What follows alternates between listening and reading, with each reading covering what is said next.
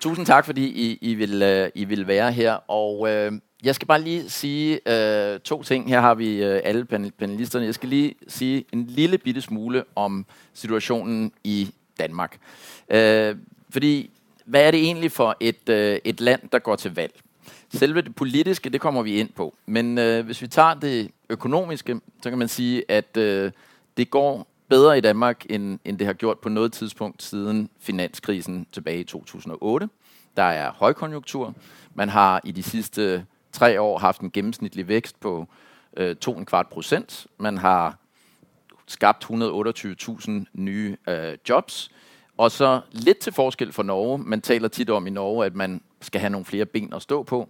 Vi har de her mange ben at stå på. Vi har mange industrier, øh, som klarer sig øh, godt. Og det er IT, det er fødevare, det er vindenergi og mange andre øh, områder. Og så har vi, som Norge, en forholdsvis lav ledighed på 3%. Så er der alle de her internationale statistikker. Vi er for næsten 20 år i træk det mindst korrupte land i verden.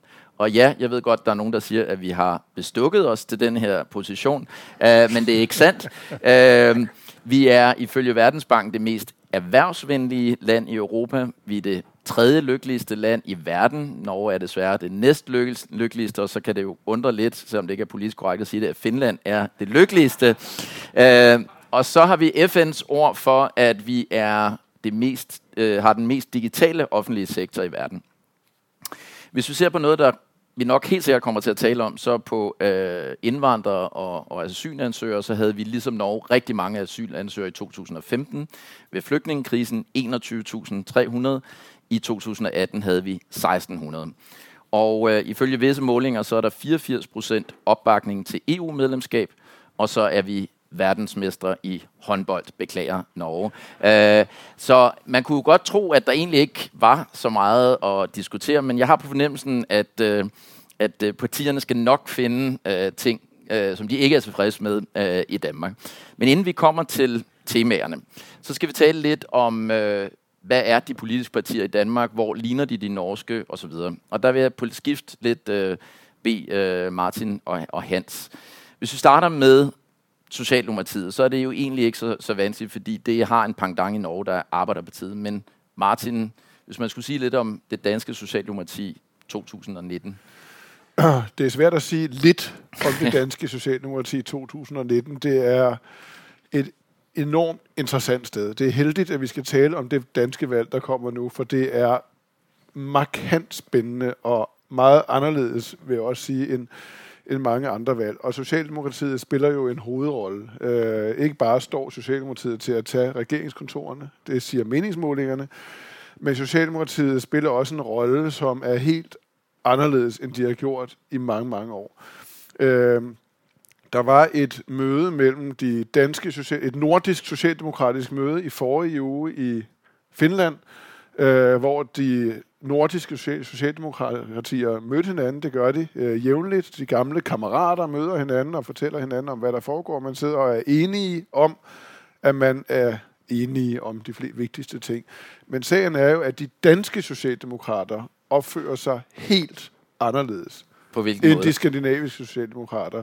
Ja, på den måde, at de danske socialdemokraterne er i gang med en meget, meget tæt forlovelse med Dansk Folkeparti, hedder det forlovelse på norsk. Øh, et meget tæt romantisk engagement øh, med Dansk Folkeparti, det danske Fremskridsparti. Øh, det er så tæt, at, man, at der er en bestræbelse fra Socialdemokratiets side på, at man ikke kan kende forskel på de to partier. Og derved adskiller de danske socialdemokrater sig markant fra alle andre øh, nordiske socialdemokrater. Og hvor tæt de to partier kommer til at være på hinanden, det er blandt andet det. Det er måske i særligt det, valget her handler om. Det kommer vi til at diskutere, ja. da, fordi så tager vi dig, Hans, på, på Dansk Folkeparti, som man jo også må sige har spillet en afgørende rolle i dansk politik i de sidste cirka 20 år. Ja, dansk, øh, altså for det første er jeg helt enig i alt det, øh, Martin har sagt om øh, Socialdemokratiet. Øh, dansk Folkeparti øh, startede jo øh, som et parti, der var udbryder af det, af det danske øh, fremskridtsparti, som jo var ved at gå i opløsning. Altså partiet havde nogle tumultagtige, skandaløse møder, og de råbte og skreg. Og Pia Kærsgaard brød sig ud sammen med det hold, som i dag udgør ledelsen af, af Dansk Folkeparti. Og man kan sige, hvor hun repræsenterede generation 1 i Dansk Folkeparti, øh, som fik at vide af den tidligere socialdemokratiske statsminister, Poul Nyrup Rasmussen, øh, han sagde under en debat i Folketinget, stuerene bliver I aldrig. Øh, og der må man sige, øh, det var så det, der gjorde, at forholdet mellem Socialdemokrater og Dansk Folkeparti var usandsynligt dårligt til den periode. Pia Kærsgaard byggede partiet op, og hendes gennembrud blev så, da Anders Fogh Rasmussen kunne danne sin øh, borgerlige regering i 2001, hvor hun blev, øh, Dansk Folkeparti blev støtteparti og leverede en, en meget øh, solid indsats, men stillede i virkeligheden ikke krav, der gjorde det særligt vanskeligt for Anders Fogh Rasmussen. Øh, han var meget imødekommende på udlændingepolitik og på andre områder, så, så det samarbejde blev, øh, blev, blev, blev godt. Pia Kærsgaard er jo så siden, blandt andet med støtte af Socialdemokratiet, blevet formand for øh, Folketinget, øh, kommandør af første grad af Dannebrugsordenen, æresridder af den franske æreslegion og meget andet. Pia Kærsgaard er den politiker, som der hænger flest malerier af på Christiansborg. øh, så man må sige, at det der med det stueren, det er ligesom glædet lidt i baggrunden. Partiet er jo så blevet overtaget. Men ved I, hvad stueren betyder? Ja, ja, ja. På, på, på Ja, norsk? vi har det samme udtryk Vi har i det samme udtryk? Ja. Ja, okay. Så jeg tror, vi taler nøjagtigt samme sprog på det Forløb, området. forløbig, forløbig er vi Ja, fuldstændig på men sig, sig jeg øvrigt endelig til, altså hvis vi, hvis vi bruger ord eller noget, som, som ikke lige passer. Men for lige at gå gå hurtigt tilbage, øh, så, så sker der det, at Christian Thulesen Dahl øh, tager over, og øh, man kan sige, at under hans ledelse har partiet vist sig at være langt mere ambitiøst. Vil den politiske magt tør nogle øh, koalitioner, blandt andet med Socialdemokratiet, som Martin øh, nævner, øh, som, som Pia Kærsgaard øh, ikke havde villet. Og det han går til valg på nu, Dansk Folkeparti, er den lidt øh, dristige operation, hvor han siger, de har en plan A, som består i, at de satser på, at der fortsat af borgerligt flertal efter et valg, hvor Dansk Folkeparti så gerne vil i regering, formentlig med ham selv som finansminister. Men han har også en plan B, og det er den, der består i, at hvis der er rødt flertal, så vil han gerne frelse øh, han vil gerne frelse Mette Frederiksen og Socialdemokraterne for øh, de øh, øh, plader humanistiske fjender hos de radikale, hos øh, SF, hos Enhedslisten og Alternativet. Altså kort sagt, han vil være klar til, hvis der er et rødt flertal, at gå ind og bære Mette Frederiksen igennem som statsminister. Og man kan sige, at den manøvre er han sådan sluppet mere eller mindre øh, igennem med. Men for lige bare de taler sidst, Øh, det er helt tydeligt, at alliancen mellem Socialdemokratiet og Dansk Folkeparti i øjeblikket giver flest stemmer til Socialdemokraterne. Tager vi de seneste målinger, står Dansk Folkeparti til at miste et sted mellem 8 og 10 mandater. Så det vil sige, at det kan godt være, at deres placering i dansk politik er blevet meget, meget central. I virkeligheden har de på mange måder overtaget de radikale venstres rolle, i hvert fald sådan indtil nu. Øh, men til gengæld så ser det ikke ud til, at den massive fremgang, at den holder. Ved sidste folketingsvalg blev Dansk Folkeparti det største parti blandt de borgerlige. Ved valget til Europaparlamentet blev de det største parti. Ved kommunalvalget fik de et forfærdeligt elendigt resultat med kun én borgmesterpost, og det er på Danmarks, Danmarks mindste kommune, nemlig øen Læsø, der ligger langt ude i Kattegat. Tak, tak Hans. Øh, og jeg, jeg prøver lige hurtigt at opsummere, og så giver jeg ordet til dig, Harald. Øh, fire ting, som karakteriserer Dansk Folkeparti. Det er relativt stramt i forhold til flygtninge og indvandrere. Til gengæld fører det en økonomisk, social politik, som ligger, som mere svarer til venstrefløjen, mere svarer til Socialdemokratiet. Så er de meget kritiske over for EU, og endelig kan man sige, at det er det tætteste, der kommer sådan på Centerpartiet, at de vil gerne, de er imod eliten og, og er meget for regionen. I nikker begge to. Det var en god karakteristik. Harald, hvad siger du? Eh, Ja, Det er i hvert fall én ting som skiller dansk og norsk politikk eh, fundamentalt, og det er jo den eh, forelskelsen mellom Dansk Folkeparti og Sosialdemokratene. Det er helt utenkelig i Norge. Det andre som er interessant, er jo at eh, det norske Fremskrittspartiet og Dansk Folkeparti har jo nøyaktig den samme opprinnelse. For begge partiene ble jo grunnlagt på skattetretthet eh, og forakt for den store staten, eh, mens Sverigedemokraterna ble grunnlagt på innvandringsskepsis. Så der har en lik historie. Så skiller Fremskrittspartiet og Dansk Folkeparti seg dramatisk ved at siden 2005 så har Fremskrittspartiet aktivt ønsket å gå inn i en regjeringskonstellasjon, mens man i Dansk Folkeparti har, har sett en vegring mot å gå inn i regjeringen, til tross for at de kunne, og kanskje burde gjort det, eh, etter forrige folketingsvalg.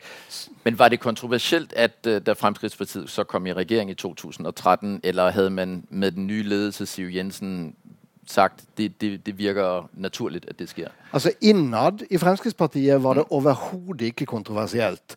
Det var jo alle motstanderne av Fremskrittspartiet som ikke ville ha det i regjering. Mm. Og sånn er det jo gjerne. Man vil ikke ha sine, eh, sine, politiske motstandere i regjering. Ja. Og, men det var heller ikke kontroversielt innad i Fremskrittspartiet da Carl I. Hagen, eh, partileder gjennom 28 år, da han ønsket å gå inn i regjering i, fra 2005 og insisterte på at Fremskrittspartiet kom ikke til å støtte en borgerlig regjering man ikke selv var en del av.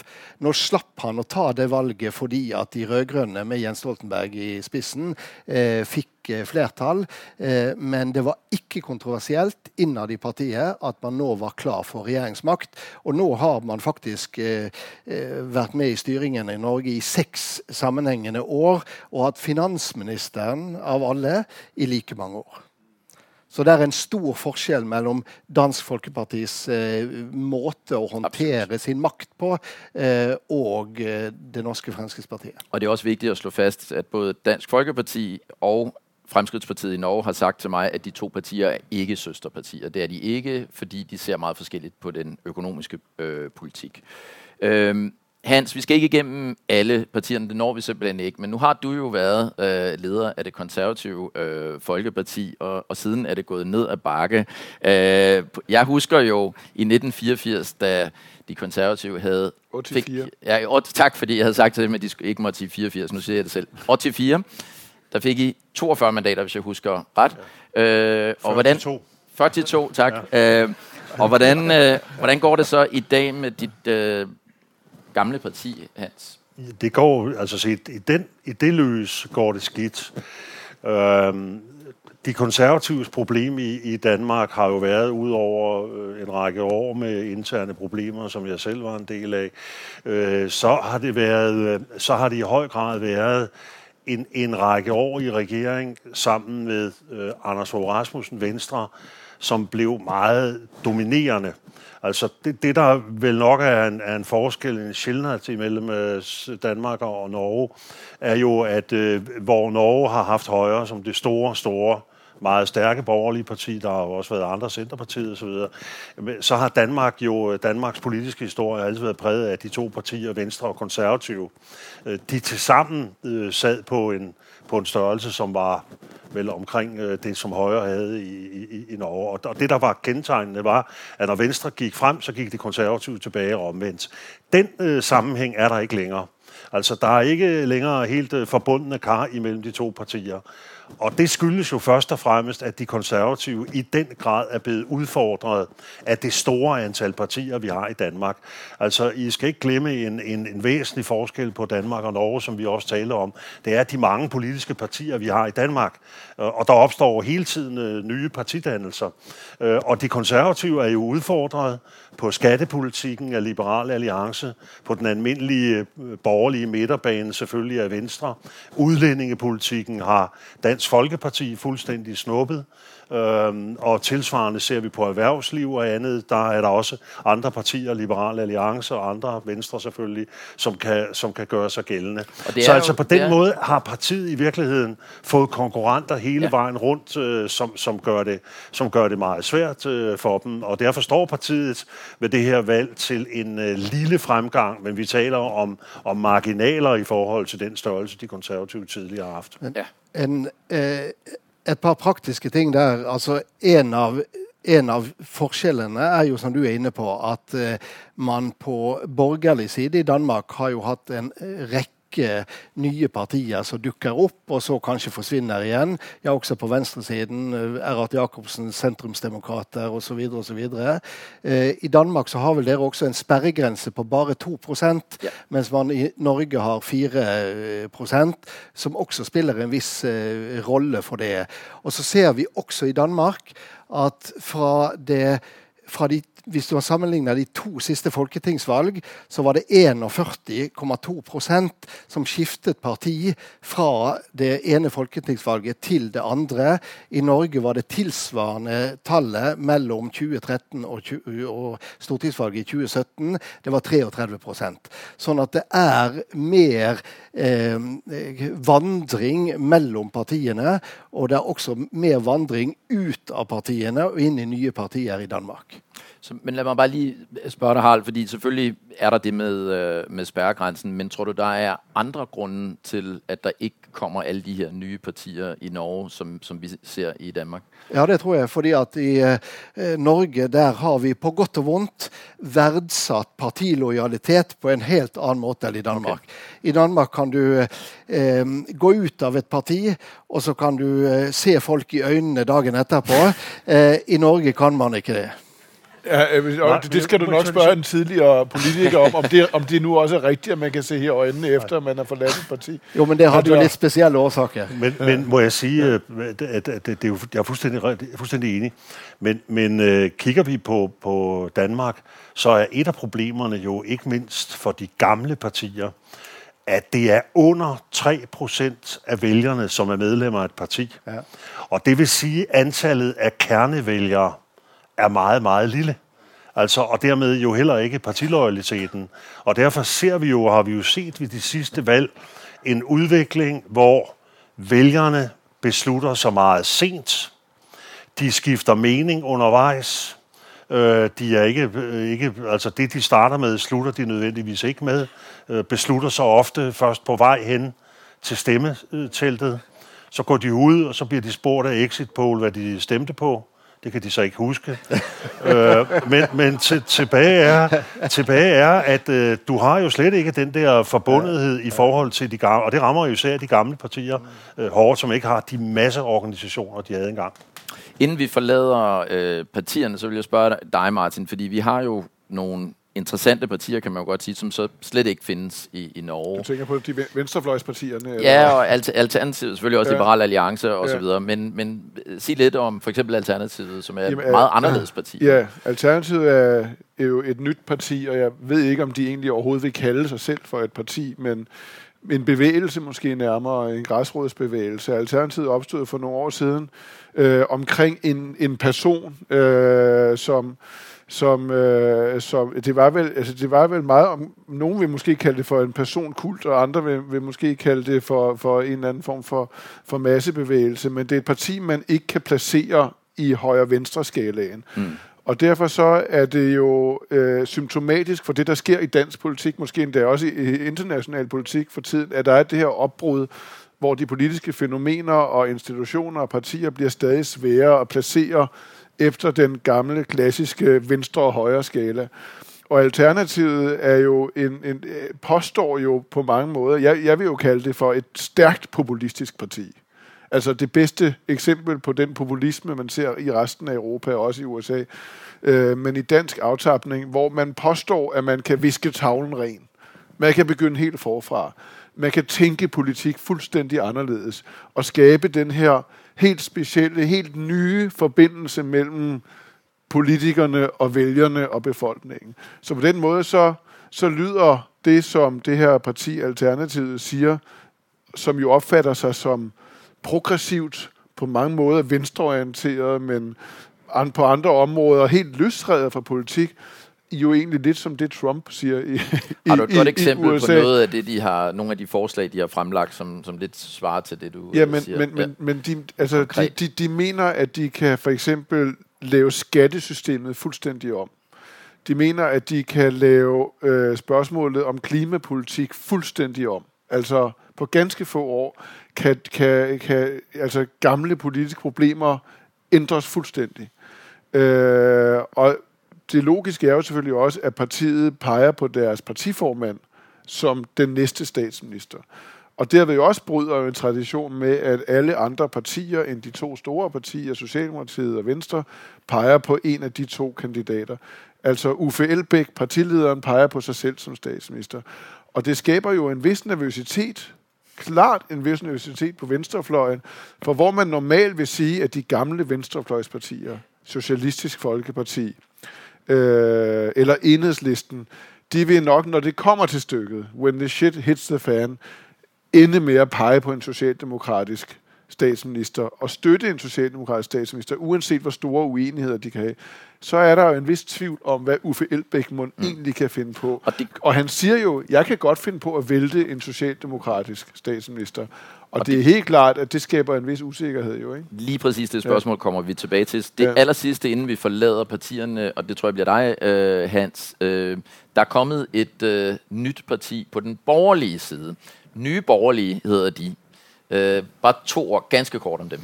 Altså nye borgerlige ja. er, er opstået ved, at, at en, at, at en øh, meget spektakulær yngre kvinde, Pernille Vermund, har startet det her parti, og hun, har, hun kommer oprindeligt fra de konservative, og hun har så taget nogle andre øh, med sig, hvoraf at øh, de mest markante også er nogen, der kommer fra konservative.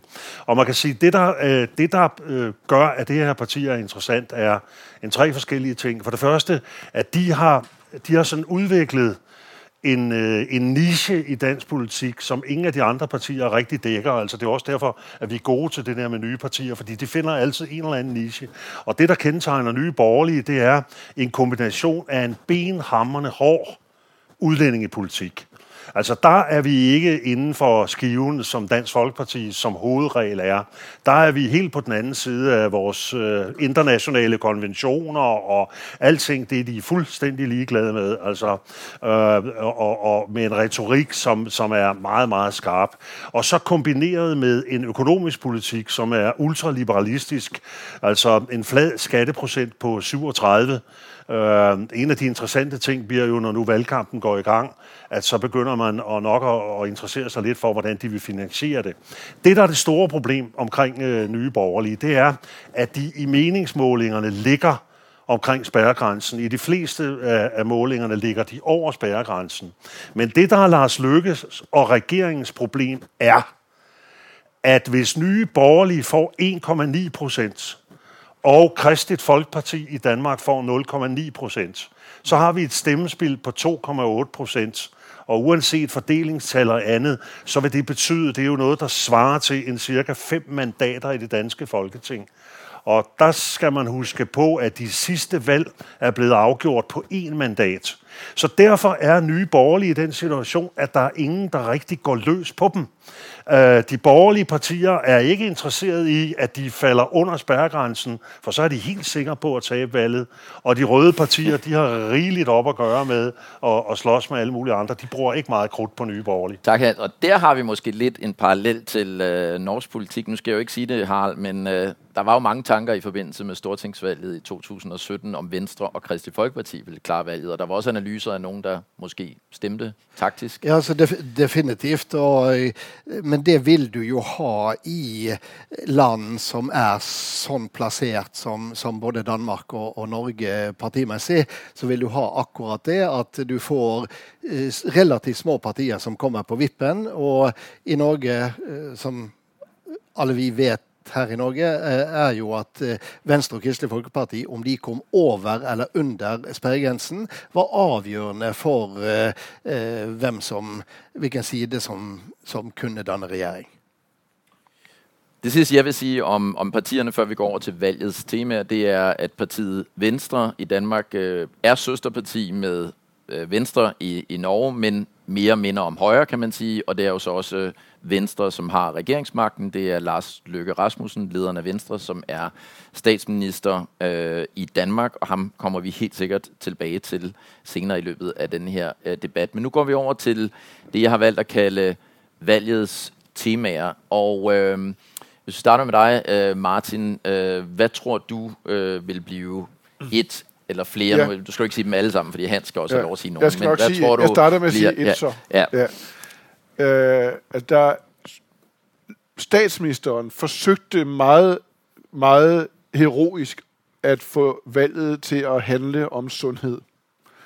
Øh, med en stor sundhedsreform, som skulle bringe sundhedsvæsenet op på nye internationale højder. Øh, og det må man sige, at det var en total fiasko. Meget hurtigt viste sig, at det, han, øh, det var en patient, hvis man skal bruge, fast, bruge de metaforer, der meget hurtigt afgik ved døden. Øh, så det bliver ikke det tema, han havde ønsket sig. Øh, det, der øh, bliver et vigtigt tema, tror jeg, det var det, det, det Socialdemokratiet har lanceret for i, i forrige uge, nemlig spørgsmålet om pension. Øh, Socialdemokratiet ønsker en differ- Det lyder kedeligt, det er det ikke, det er vigtigt.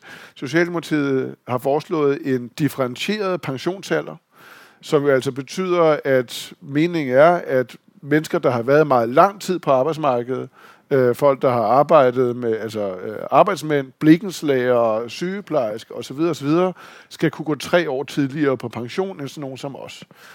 Øh, det er meget, meget ukonkret. Det er, det er lanceret med nogle principper, øh, syv principper, tror jeg det er. Øh, men det har vist sig at være øh, sprængfarlig politisk, øh, politisk øh, materie, for, fordi det jo dykker ned i en stor diskussion, som handler om meget andet end pension. Som handler om ulighed, som handler om vrede over øh, bankerne, finansverdenen, store lønninger osv. En grundlæggende jo international tendens, der handler om utilfredshed med eliterne. Øh, og der har Socialdemokratiet været, været meget, meget dygtige til at skabe et lille men, men meget konkret jo i virkeligheden øh, øh, hjørne der, som hele det danske politiske landskab nu diskuterer.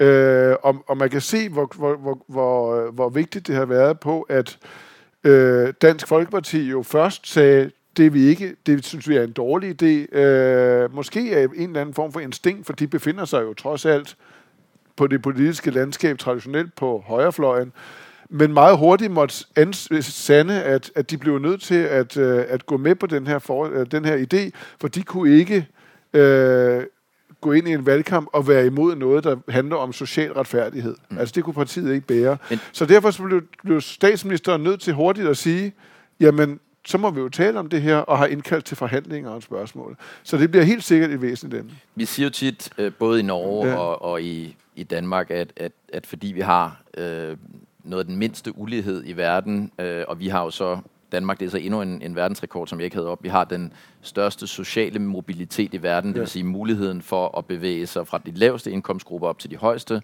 If you want to live the American dream, move to Denmark, øh, ja. som man siger. Men tror du alligevel, at det vil lykkes at gøre det her tema om ulighed, ikke bare pension, altså, men du siger bredere end det ja, ja. et, et Spørgsmålet tema om ulighed er spørgsmålet om social, retfær- social retfærdighed og, ja. og ulighed er Socialdemokratiets ja. store valgtema. Ikke? Det vinder de på. Det er, det er, altså Socialdemokratiet har tre slagnumre. De har øh, udlændinge, udlændingestramninger, de har social retfærdighed, de to temaer hænger tæt sammen, mm. og så har de klima, som de forsøger at komme med på for at kunne dække flanken af mod resten af venstrefløjen. Det er de tre temaer, Mette Frederiksen vil gå til valgkamp på. Ja. Øh, så, så, og de to spørg- første er det vigtigste, og uanset hvad, så vil det blive selvfølgelig et, et hovedtema i valget. Det er jeg helt sikker på. Hvilke andre temaer, Hans, kunne du forestille dig kommer til at, at dominere valgkampen? Altså, udlændinge, øh, udlændingepolitik kommer selvfølgelig også til at blive et stort tema. Uh, og det gør det jo af, af mange grunde, uh, uagtet at vi er i den der lidt, lidt, lidt specielle situation, at Socialdemokratiet det her jo ligger sig så tæt på Dansk Folkeparti, at man her for nogle dage siden stemte for en stor pakke af stramninger på udlændingeområdet, som er blevet kaldt paradigmeskifte. Det er ligesom blevet et ord i dansk politik, paradigmeskiftet, at vi skal gå fra at være et land, der tager imod asylsøgere og flygtninge, til at være et land, der sørger for, at de, der kommer ind i landet, bliver smidt så hurtigt ud som overhovedet muligt. De skal ikke integreres. Øh, de skal ikke integreres, mm. de skal sendes ud, og derfor hedder det heller ikke længere en integrationsydelse, men en hjemsendelsesydelse. Og der har øh, Socialdemokraterne så stemt for, at den reduceres med 2.000 kroner, øh, hvilket øh, jo altså ville være, under en rød regering ville det have været fuldstændig utænkeligt. Og derfor ser vi jo brudfladen imellem de andre partier på venstrefløjen, og ikke mindst det radikale venstre, som jo har været Socialdemokratiets hovedsamarbejdspartner stort set siden partiet blev dannet i 1905. 1905? 1905? Det er det samme. Ja, ja, det er det samme. Okay. Den går. 1905. Ja, den går. Altså, de har, været, de har jo siddet i regeringen sammen uh, utallige gange. Og, ja. og, uh, men, og, men der er brudet på udlændingeområdet meget, meget stærkt. Det kan, er helt uundgåeligt, at det bliver en diskussion. Blandt andet fordi Mette Frederiksen, Socialdemokratiets formand, har udråbt sig selv som børnenes kommende statsminister. Og der ligger det jo på den flade, at vi har et udrejsecenter på en tidligere kaserne i Nordsjælland, øh, som er blevet omdannet til et, et center, hvorfra familier, som ikke kan få opholdstilladelse, skal sendes ud. Og der er der mange børn, som angiveligt vandtrives osv. osv. Der er en hulens ballade om det hele tiden, og hvilken noget mad de får og ikke må få, og masser af, af sager fra kommunerne eller kommunen.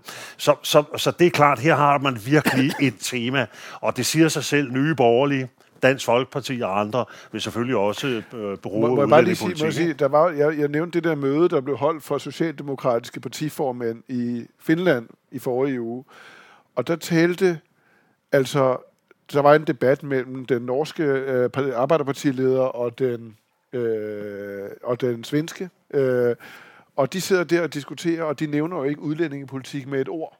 Altså overhovedet ikke. Lige bortset fra, at den svenske socialdemokratiske leder siger, forklarer, hvorfor han selvfølgelig har dannet den regering, han har dannet, hvor han har givet liberale indrømmelser, og det er jo for at undgå, at Sverigedemokraterne får indflydelse. Og den norske arbejderpartileder sidder og nikker og siger, at det forstår han godt, det er rigtigt, det, er fuldt, det ville han også have gjort, hvis han havde siddet i Stockholm, naturligvis. Øh, og den kæmpe store elefant i rummet, hvis man siger det på norsk, siger man den store, ja, det, det er jo udlændingespørgsmålet. Og når så Mette Frederiksen kommer på banen og siger noget, så siger hun, det store problem for os socialdemokrater i hele Europa, vi er de eneste, der er tilbage her i Skandinavien. Altså, de er mere eller mindre decimeret i, i Tyskland og Frankrig og hele vejen ned i Sydeuropa. Vi er de eneste tilbage, og det store problem for Socialdemokraterne er, at vi har været for liberale økonomisk i de sidste 30 år, og vi har været for, for liberale og åbne på indvandringspolitikken. Og så står alle de andre der jo og nikker og lader som om, de hører efter, men prøver jo at ignorere det fuldstændig. Ikke? Så det, det, det er simpelthen en markant men, forskel. Men det kan være, fordi Harald... Jeg kan lige en ting til, ja. at det var jo også særdeles opsigtsvækkende, da det svenske valg, da stemmerne var gjort op i det svenske valg, ja. gik Mette Frederiksen ud på de danske medier og sagde, at det var fuldstændig uacceptabelt, at uh, man ikke kunne samarbejde med Sverigesdemokraterne. Det var udemokratisk og en ja. fuldstændig... Altså der må man sige, altså en dansk socialdemokratisk partileder, som så her for nylig gik ud og sagde, at hun i øvrigt øvrigt også mente, at det var helt uacceptabelt, at der var så mange, der talte så nedsættende om Dansk Folkepartis vælgere. Ja. altså, vi er kommet langt. Harald, øh, øh, Jonas Gahr Støre har jo så siddet og, og lyttet til den danske statsminister, som mente, at man har både har været for liberal på den økonomiske politik og i forhold til flygtninge og indvandrere, og og hvad har han tænkt, og, og hvad er situationen i Arbeiderpartiet? Nei, men Forklaringen på um, denne forskjellen uh, øh, mellom dansk og, og, sosialdemokrati og det norske og det svenske, er jo at uh, Mette Fredriksen, som en relativt ny leder uh, i, i sosialdem dansk sosialdemokrati, ser jo tydeligvis nå en stram, streng flyktningepolitikk som en vinnersak.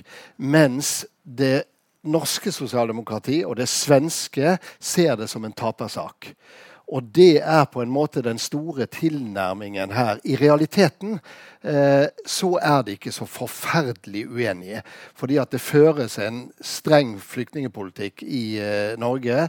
Eh, det gjør det også i Danmark. Nå også i Sverige, etter 2015 og, og, og, og flyktningekatastrofen eh, der. Mens sosialdemokratiske partienes tilnærming og hvordan man vurderer det, er, er, helt forskjellig. Og Det skal bli veldig interessant å følge eh, eksperimentet til Mette Fredriksen, yeah. der hun skifter så dramatisk fra Helle Thorning-Smith og, og, det som har vært var det danske sosialdemokratiske politikk. Men, men, men kan du ikke forklare, hvor, hvorfor opfatter Arbeiderpartiet her i Norge det som en en tabersag, når de, så vidt jeg forstår, så, så, tabt, så tabte, øh, tabte Arbejderpartiet blandt andet, fordi at man overlod indvandrere diskussionen i valgkampen til, til oppositionen, altså til den borgerlige fløj? Eh, jeg tror nok forklaringen på, eh, på Arbeiderpartiets tap er mer sammensatt enn det. Men jeg tror hovedforklaringen er at hvis man ser på undersøkelser der man ser på sakseierskapet og troverdigheten de forskjellige partiene har i forhold til utvalgte viktige saker, så er det Fremskrittspartiet som har sakseierskapet til en streng eh, flyktning- og innvandringspolitikk. Og det har ingen av de andre partiene maktet å, å ta, selv om man i realiteten er relativt enig i de store grepene.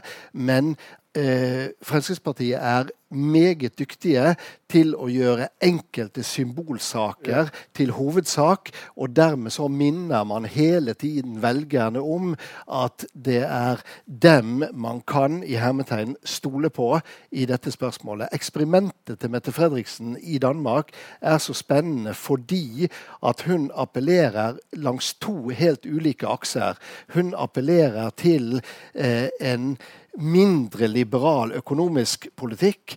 Og så appellerer hun til en strengere flyktningepolitikk for å appellere til arbeidervelgere som ellers kan tenkes å gå i Dansk Folkepartis ja. Hans Engel, havde du en kort kommentar til det? Ja, ja, jo, altså det er i fortsættelse af det, fordi hvis der sker det, som meningsmålingerne jo i øjeblikket peger på, nemlig at Mette Frederiksen bliver statsminister, så vil hun jo komme i en situation, hvor de andre røde partier, der vil have peget på hende, vil være dybt, dybt, dybt skeptiske og imod den udlændingepolitik, hun står for, og de vil allerede ved regeringsdannelsen med sikkerhed forlange nogle indrømmelser, altså for eksempel omkring øh, hjemsendelsesydelser, der kan være på andre områder. Øh, og der er det jo meget interessant at se, vil hun der kaste sin skæbne fuldstændig i hænderne på Dansk Folkeparti? Fordi øh, det vil jo skabe en parlamentarisk situation, som vil være særdeles ny og uprøvet, og hvor man også må spørge, kan, kan de holde til det i længden? Altså, hvem, hvem er det, bukserne revner først på? Mm. Er det på Mette Frederiksen, eller er det på Thulesen Dahl i det forløb? Men eh, dere har flere ganger nevnt, eller du Martin har flere ganger nevnt eh, SAMAK-møtet i Helsinki mellom de eh, nordiske sosialdemokratiske partiene. Og eh, i den norske avisen Klassekampen, eh, som rapporterte fra dette møtet, så sto det et meget interessant intervju med Mette Fredriksen for noen få dager siden, eh, laget av en av Norges dyktigste journalister, Bjørgulf Braanen, eh, der hun sier noe som for meg var meget overraskende, nemlig at jeg kan være statsminister for en mindretallsregjering med kun Sosialdemokratene, og jeg kan samarbeide eh, med radikale Venstre, og jeg kan samarbeide med, med, med til og med med Enhetslisten og med SF eh, i den økonomiske politikken. Og når det kommer til innvandringspolitikken, flyktningpolitikken, så skal jeg samarbeide med Dansk eh, Folkeparti og, og, og kanskje også Venstre. Og det er en den type eh, å stå på tvers og, og, og, spre seg så mye eh, ville vært, eh, tror jeg, helt utenkelig i Norge. Men det viser jo også at det politiske spektrum er i totalt opbrud. Det er jo mm. derfor, de år her overalt i de vestlige demokratier er så vanvittigt spændende, fordi det, vi har lært på universitetet, på, i, i statskundskabsstudiet, det, det, det, det passer ikke. Altså, vi kan ikke, partierne ændrer sig markant og hurtigt, og flytter sig og står på nogle sider, på nogle områder på den ene side, og på nogle områder på den anden side. Øh, og det, altså det, vi, vi er jo ved at skrive den, altså politologien temmelig meget om. Ikke? Det er jo det, der er så enormt fascinerende. Og man kan sige, at statsminister Lars Løkke Rasmussen forsøgte jo også, og så dannede jo en ren venstre-regering efter valget, havde nok også planer om, at han kunne lave flertal på det ene og det andet område, og, og måtte ret hurtigt indse, at det var, at det var for vanskeligt. Men han, og, men han behøvede det heller ikke. Han behøvede det jo. Han, Han han, havde- han havde jo flertallet sikret, ikke? Jo, men det havde han jo ikke, hvad skal man sige, i forhold til en klassisk borgerlig Nej. økonomisk politik, kan du Nej. så sige. Der, øh, der var det vanskeligt. Øhm, hvis vi lige afslutter på øh, temaerne. Hans, øh, vi har nævnt, øh, Martin Krasnik nævnte ulighed. Vi har talt om sundhed, som Martin ikke mener bliver en, et, et stort nummer i valgkampen. Flygtning, udlænding, politik, som nok med sikkerhed bliver det. Øh, måske klima. Er der andre spørgsmål, som vil... Nej, altså, øh, nej, nej, fordi øh, så vil, det, så vil det gå i Danmark, sådan som det formentlig også gør i Norge, at i løbet af meget kort tid, så vil alle kaste sig over, hvem øh, er bedst som statsminister, hvem kan samarbejde med hvem, hvem kan ikke lide hvem. Og så har vi jo ikke haft en valgkamp i Danmark de seneste mange år, som ikke er startet med, at der er en eller anden, der har dummet sig, eller en eller anden, der har foretaget et eller andet, der gør, at valgkampen, den første uge eller to af valgkampen går med et eller andet. Øh, sidste gang var det statsministeren, som havde besøgt en virksomhed, der hed Panorama, hvor han angiveligt øh, havde været udsat for en, som heller ville på kontanthjælp, end han var i arbejde. Og det viste sig så, at historien passede ikke rigtigt, og så gik der to uger med at diskutere det. Så altså hele det der, det almindelige parlamentariske fnid og, og så videre, så videre, det, det kommer også til at fylde rigtig meget. Og ikke mindst denne gang, fordi vi lige præcis har alle de der øh, meget specielle forhold, og fordi vi må regne med, at for eksempel øh, nok går den blå blok til valg nogenlunde samlet, men så er jo heller ikke mere, for Liberale Alliance ved, at de sandsynligvis bliver sparket ud af regeringen, selv hvis der er blot flertal. Så de vil stemme optimere. Og den røde side ved, at Mette Frederiksen vil ikke have dem med i regeringen. Så de har jo kun én ting at gøre, og det at tænke på deres egen stemmeportefølje, og ikke på en socialdemokratisk regering. Det må Mette Frederiksen ja, tage sig af. Ja. Så derfor er situationen den, at vi får formentlig en masse egoistpartier, som ikke så meget tænker i det blokmæssige, men tænker mest på, at vi selv skal have nogle stemmer. Ja. Og det gør man jo tit bedst ved så at foretage sådan noget usædvanligt. Det bliver en vidunderlig valgkamp på den måde. det, gør det. det gør det virkelig. Men det handler jo om troværdighed. Altså, det ene ting, man jo selvfølgelig vil, vil forsøge, det er at få det til at handle om troværdighed. Hvis man ser på Socialdemokratiets kampagne, så er Mette, Frederiksen, Mette Frederiksens ansigt på forsiden af alting. Alt er Mette Frederiksen.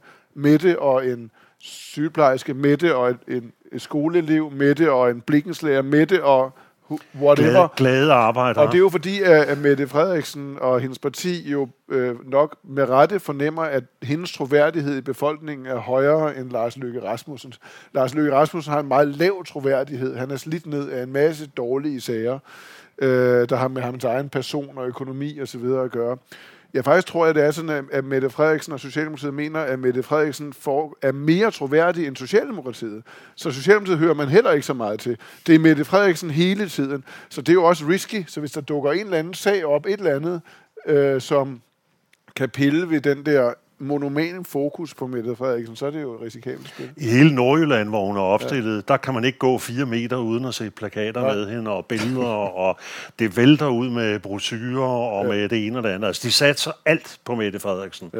Det er ikke partiet, det er ikke deres kandidater, det er ikke hvem det er man stiller som ministerhold. Det er Mette Frederiksen overalt. Ja, og det, og det, det er risky, fordi hun er jo ikke på den måde det mest likable. Øh, altså, hun er jo ikke sådan en hyggelig, snaksalig folkelig type. Vel? Hun ah, bliver hurtigt meget fornærmet og ja, vred ja, og sur, hvis man stiller hende spørgsmål, der er kritiske. Og, altså, det er jo rigtigt nok. Hun er jo ikke sådan... Hun er lidt mere Hillary end... Ja, det er en, Jeremy, en Jeremy Corbyn. Jeg ved ikke, og det, det er jo ikke uden betydning, ja. men øh, til sidst må jeg lige, inden vi forlader temaerne, øh, vi lever jo i en verden under hastig forandring internationalt. Vi kan gå tilbage til en annektering af Krim, Trump blev valgt som præsident, Brexit, alle de her ting, som selvfølgelig virker lidt som klichéer, men som vi dog er nødt til at have med. Øh, ikke desto mindre vil det så være sådan, at alle de her udenrigspolitiske temaer, de ikke kommer til at fylde noget i valgkampen? Det, det er meget, meget sjældent, at uh, udenrigs-, sikkerheds-, forsvars- og EU-politik har fyldt ret meget i danske øh, valgkampe. Altså man kan sige, det er, jo lidt, det er jo lidt specielt i forhold til EU, fordi vi jo oplever et dansk folkeparti, som Martin sagde senere, som, som er meget kritisk i forhold til EU, og som jo mener, at Danmark skal, skal lægge sig i kølvandet på, på Storbritannien, følge meget nøje, hvordan det nu går. Vi skal hjælpe Storbritannien for det første, og et eller andet sted ser de jo for sig, at øh, den dag også kommer, hvor Danmark skal have en folkeafstemning, om vi skal fortsætte være medlemmer eller ej. Det har Lars Løkke totalt afvist. Det bliver ikke på hans vagt, som han siger, at der kommer en, en sådan afstemning. Men, men det er klart, at øh, hvis vi ser ser en, en, et blot flertal og en mulig regeringsdannelse, så vil der jo være et problem. Hvordan vil de håndtere øh, det forhold, at øh, Venstre gerne vil af med retsforbeholdet, de vil gerne af med forsvarsforbeholdet i EU, som Danmark har, og Dansk Folkeparti vil ikke røre ved nogen af forbeholdene. Altså, derfor kan der selvfølgelig godt komme en, en, en drøftelse af det. Jeg tror, at situationen vil være den, at hvis der kommer en blå regering, altså hvis vi ser Dansk Folkeparti og, og Venstre og konservative regering sammen, så tror jeg simpelthen, det vil betyde, at man så aftaler en fastfrysning af dansk EU-politik. Altså at der i en fireårig periode kommer der ingen afstemninger, øh, der kommer overhovedet ikke noget som helst, og så må man håndtere vores medlemskaber, de sager, der er der løbende, men uden nogen sådan proaktiv rolle i forhold til, til EU-samarbejdet. Men det er jo også vildt nok, ikke? Altså samtidig med, at hele Europa bevæger sig med lynets hast, så fastfryser øh, Danmark ja. sin EU-politik. Men altså, statsministeren gjorde jo, gjorde jo uh, sin nytårssal, uh, der gjorde han utrolig meget ud af EU, fordi Lykke ser det som en kæmpe stor risiko for Danmark, at vi, at vi står der på perronen, og, og uh, mens EU udvikler sig, og man står med, med udfordringerne for USA, Rusland osv., uh, men problemet er bare, at han har ikke, der er ikke rigtig noget genklang. Altså, det, det er ikke noget, der rykker. Uh, og selvom danskerne, vi kan se, at nogle af de målinger, der har været lavet, er opbakningen til til EU og til vores medlemskab øh, stærkere end i mange andre perioder, så ved vi også, at når først danskerne bliver spurgt, så er øh, udsigten eller risikoen, eller hvordan man ser på det, øh, til at danskerne stemmer nej, den er meget, meget stor. Altså, når man ikke kunne vinde afstemningen om retsforbeholdet, når man ikke kunne vinde den afstemning, så vil jeg sige, så anser jeg det også for ret umuligt, at man kan vinde en afstemning om forsvarsforbeholdet. Det vil blive helt, altså det, det vil være så meget op ad bakke. Og selvom der har været målinger, der viser, at der flertal af danskerne gerne vil af med retsforbeholdet, eller forsvarsforbeholdet, så har statsministeren sagt, det giver han ikke noget for, for det var der også omkring retsforbeholdet, og han ved, når først vi skal ud i en afstemning, så er tvivlerne og nølerne og modstanderne, øh, nej-sigerne, meget stærke. Hmm. Så formodentlig kommer udenrigs europapolitik ikke til at spille den store rolle. Der kan selvfølgelig ske ting, som I også var inde på hvis vi går tilbage til alle temaerne, Harald Stanghelle, hvis, hvis nu der var valg i, til Stortinget om en måned, hvad tror du ville være nogle af, af temaerne i Norge? Vil det være nogle af de samme temaer, eller vil det være nogle helt andre temaer? Nej, jeg tror ikke vi hadde sett så Vi hadde nok ikke sett den samme pensjonsdiskusjonen. Også fordi at i norsk politikk så eh, fremmet jo Jens Stoltenberg og hans regjering et eh, pensjonsforlik. Eh, og det betyr at eh, på de aller viktigste Det har noen hull her, men på de viktigste spørsmålene så er det enighet om å følge den såkalte pensjonsreformen. Og Jens uttalte jo også at det var hans viktigste eh, bragd som statsminister statsminister. Han brukte ikke ordet bragd, men hans viktigste innsats det var å samles om et langsiktig pensjonsforlik. For det har så eventyrlig stor betydning for økonomien. Eh, ikke neste år, men om 10-20-30-40 år. Eh, og så vil nok være noe diskusjon om det. Men vi ser en sterkere diskusjon og krassere diskusjon om uh, ulike uh, former for uh, arbeidsmarkedspolitikk.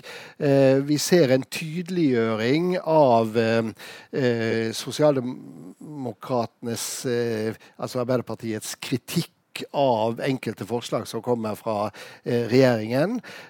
og etter at Eh, Jonas Gahr Støre har måttet gi opp å få til et samarbeid som der også Kristelig Folkeparti inngår, fordi Kristelig Folkeparti har valgt Erna Solberg, ja, så eh, kan en jo se for, for, seg et Arbeiderparti som vil være, legge seg mer mot venstre, også fordi vi har en situasjon med et, et eh, Arbeiderparti som eh, ikke ikke har kommet tilbake til eh, gamle høyder når det gjelder eh, oppslutning, mens eh, SV og partiet Rødt, som minner litt om enhetslisten i, Danmark, eh, de har relativt eh, brukbar eh, oppslutning og er i stand til å presse Arbeiderpartiet fra venstre. Så det er en litt sånn ny situasjon i, i, i Norge de siste årene. Eller de siste årene. Vi skal nå vi skal nu til at, at afsløre det spændende, hvem der kommer til at vinde øh, valget i, i Danmark, eller, eller, eller i hvert fald nogle mulige øh, udfald. Så øh, vi starter med dig, Martin. hvad tror du, der kommer til at ske, når øh, valget kommer? Hvem bliver statsminister? Hvilke, hvilken partidannelse bliver? Ja, jeg kan sige med sikkerhed, at den person, der bliver statsminister, har, det er den med flest mandater bag sig i Folketinget. men, men altså, jeg synes, det er åndssvagt at, at, at, at sige noget slagfærdigt om det. Det ser ud som om på men, i meningsmålingerne, at det er Mette Frederiksen, der bliver statsminister, men man skal virkelig ikke undervurdere Lars Løkke Rasmussen. Det må du sige, hvad du mener om. Men altså, Lars Løkke Rasmussen er en formidabel kampagnemester. Altså, det er han virkelig, og han, øh, han, han er det der hans næse for at, at presse citronen til det yderste, og i sidste øjeblik finde en eller anden sag, som man kan stille sig op på og stå stærkt på, og splitte sine modstandere, den er fuldstændig frygtindgydende formidabel. Så man skal aldrig afskrive Lars Løkke Rasmussen. Men hvis vi så tager de to, øh, det, vi, I har sådan set ja. talt om, at hvis det bliver et, et rødt flertal, hvis man kan sige det ja. sådan, nu er det jo et et partilandskab i opbrud ja. med de alternativer ja. osv., så bliver det formodentlig en socialdemokratisk mindretalsregering, i hvert fald i første omgang. Ja. Men hvis vi så tager øh, et borgerligt flertal, Hans, hvad tror du, er det så der, at Dansk Folkeparti kommer ind i regeringen for første gang? Ja, det tror jeg. Altså, øh, Durden, Ja. ja. Er der lyd på? Ja. ja. Øh, det tror jeg. Altså, man kan sige, hvis, hvis Tulsendal ved valget i 15 havde sat tro på og sagt, at han ville i regering, havde insisteret, så havde Lykke været nødt til at forøje ham.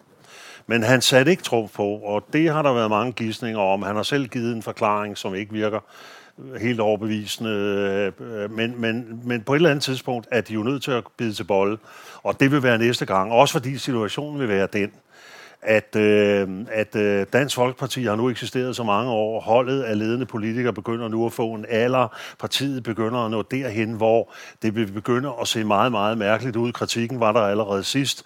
Tør I ikke at påtage jer ansvar? Altså er I bare et parti, der hele tiden vil kritisere og prøve at have indflydelse, men I tør ikke selv sidde og, og regere.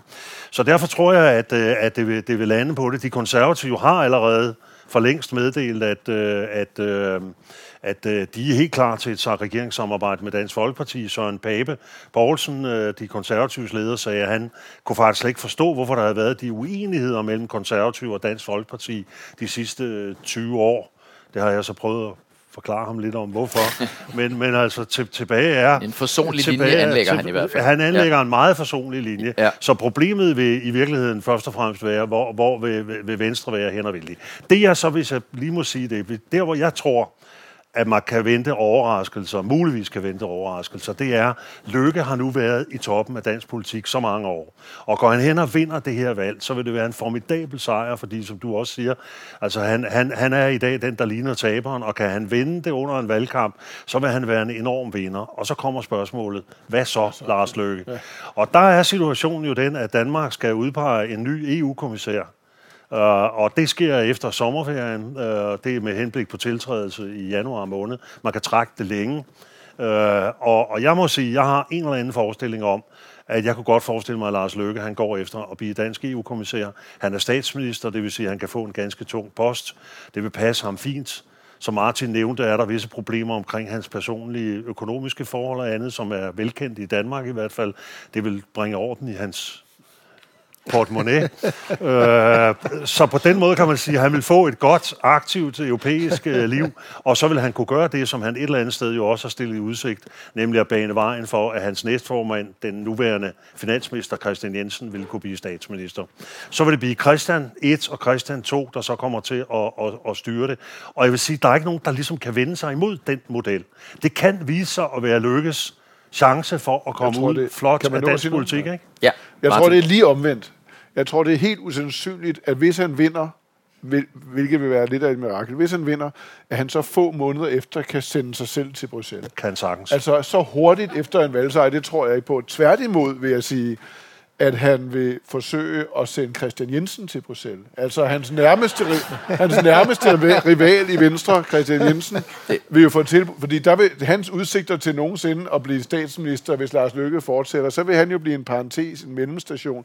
Den er efterhånden lige nul, så hvis Lars Løkke vinder, så derfor så vil det jo være den eneste vej ud af dansk politik. Det er ganske, ganske kort til, til dig, til Martin. Du, du, du var inde på, at, at det her det virkelig bliver et anderledes valg, og jeg tror også, du sagde, at man måske vil se, at det også vil påvirke resten af Norden, måske Norge. Hvad, hvad tænkte du på især? Altså, vi har nok været inde på nogle af tingene. Jamen, jeg, jeg, jeg, ja. altså, jeg, jeg tror jo, altså, de nordiske lande ser så, skandinaviske lande ser så forskellige ud lige nu. Men på et, et eller andet tidspunkt, jeg ved ikke, hvornår det bliver, så er jeg ret overbevist om, at Socialdemokratiet i Sverige og Arbejderpartiet i Norge bliver nødt til at gøre nogle af de samme ting, som Socialdemokratiet i Danmark har gjort i forhold til udlændingepolitikken. Det er jeg fuldstændig overbevist om. Så der kommer vi til at se en markant ændring. Tak til øh, panelet. Vi har fået et godt indblik, synes jeg, i øh, valgets temaer. Vi har talt delvist om øh, valgets udfald. Der kan selvfølgelig ske meget i de kommende måneder, fordi valget er ikke udskrevet endnu. Det er jo sådan i Danmark, der bestemmer statsministeren, hvornår når der kommer valg. Det er dog senest den 17. juni. I kan følge med på øh, Danmarks ambassades Facebook-side, Danmark i Norge. Hvem vil vi holde jer opdateret på, hvad der sker. Øh, og jeg er sikker på, at man også vil kunne læse meget i norske medier, der vil være interesse for det. Selvom vi ikke kan garantere, at det bliver lige så dramatisk, øh, som det var i Sverige, så bliver det i hvert fald mere dramatisk end i Norge. Så meget tror jeg godt, at øh, Martin og Hans har lovet. Så forløbig tak for nu.